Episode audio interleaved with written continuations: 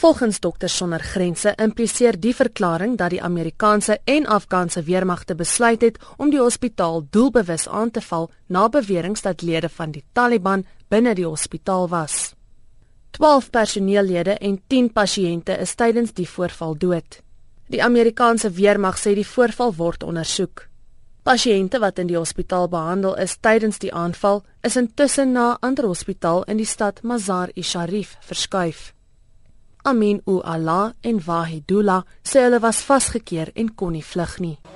Doctors were about to take me to an operating theatre when the bomb hit. There were flames all around me. I saw patients and doctors burned to death. There was no place to hide. My father dragged me to the basement.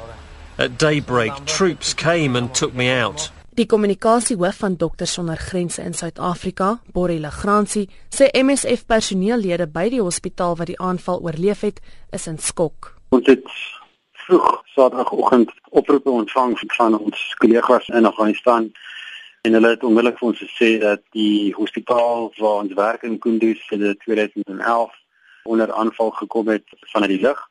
Verskeie ontploffings het plaasgevind en een van ons Gepeers het uit die kantoor gekom. Hy het gesien dat ons die hoofsaaklike hospitaalblok aan die brand was. Ons intensiewe sorgeenheid was in vlamme gehul.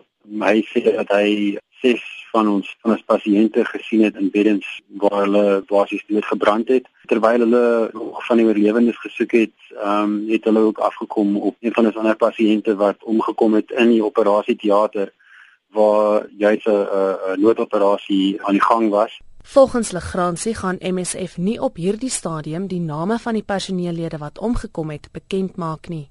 Uh, so dokters sonder grense voel daar geen regverdiging vir uh, so 'n aanval op 'n hospitaal. Ons weet van wat ons kollegas ons vertel dat die bombardering baie presies was. Die mediese afdeling van ons compound is, is geteken spesifiek. So dit het die grootste aandeel van die skade ontvang en dit is ook juis waar baie van ons pasiënte bedlend was en hulle kon glad nie glad nie hierdie aanval ontvlug nie. In die onmiddellike ure na die aanval het ons kollegas probeer om die lewens te red wat hulle kon, maar dit is definitief nie genoeg nie. So vir dokters sonder grense is die eerste prioriteit die welstand en die veiligheid van ons kollegas. En uh daaroor gaan ons geen van hulle name of nasionaliteite bekend maak vandag nie. Ons sal dalk later meer inligting gee omtrent die mense wie aanval oorleef het. Legrandsie sê na hierdie aanval eis MSF 'n onafhanklike ondersoek deur 'n internasionale gesag. In die dae voor hierdie aanval het ons 'n punt gemaak daarvan om die satellietkoördinate van ons fasiliteit aan beide die Amerikaanse magte en ook die Afghaanse magte te gee. En ons doen dit as 'n reël in alle konflikgebiede waar ons werk.